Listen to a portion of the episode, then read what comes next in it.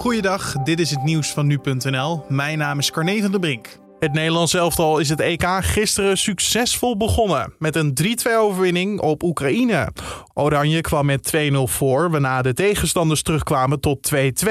Maar vlak voor tijd maakte Denzel Dumfries de winnende treffer. Tegen de NMS zei hij dat dit een belangrijke stap was. Ja, we wisten dat we een goed begin moesten maken, dat we de eerste wedstrijd moesten winnen. Dat hebben we gedaan. Dus complimenten naar de ploeg. Uh, en nu uh, focus op de volgende wedstrijden en uh, ja, dit gevoel vasthouden en analyseren wat beter kan. Bondscoach Frank de Boer was over het algemeen tevreden over het spel van zijn jongens. Maar ik heb een, uh, een vrij goed Nederlands elftal gezien. Uh, behouden dan uh, die twee goals die we hebben weggegeven. We hebben continu proberen goed druk te zetten. Het was mooi om te zien dat, dat er zoveel ja, juichende fans waren die ons aanmoedigden. Dat helpt ook in ieder geval. Dat geeft ook energie. Door de overwinning is Oranje al dicht bij een plek in de achtste finales. Want de nummers 1 en 2 en de vier beste nummers 3 gaan door naar de volgende ronde.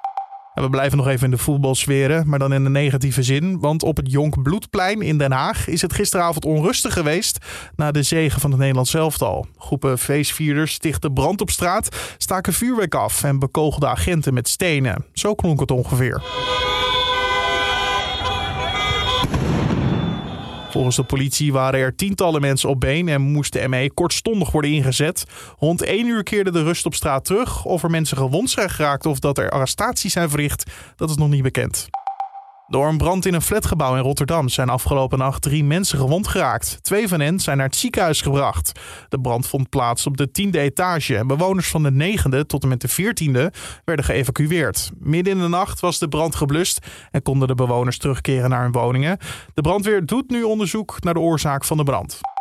En na maanden van dalingen lijkt het aantal woninginbraken weer fors te stijgen. Dat blijkt volgens de Telegraaf uit cijfers van de politie en verzekeraar Interpolis. De stijgingen vallen samen met de versoepelingen van de coronamaatregelen. Sindsdien is het aantal inbraken in een kleine twee maanden met 36% toegenomen. Vooral sinds het intrekken van de avondklok ziet de politie een stijging qua inbraken. En tot zover de nieuwsupdate van nu.nl.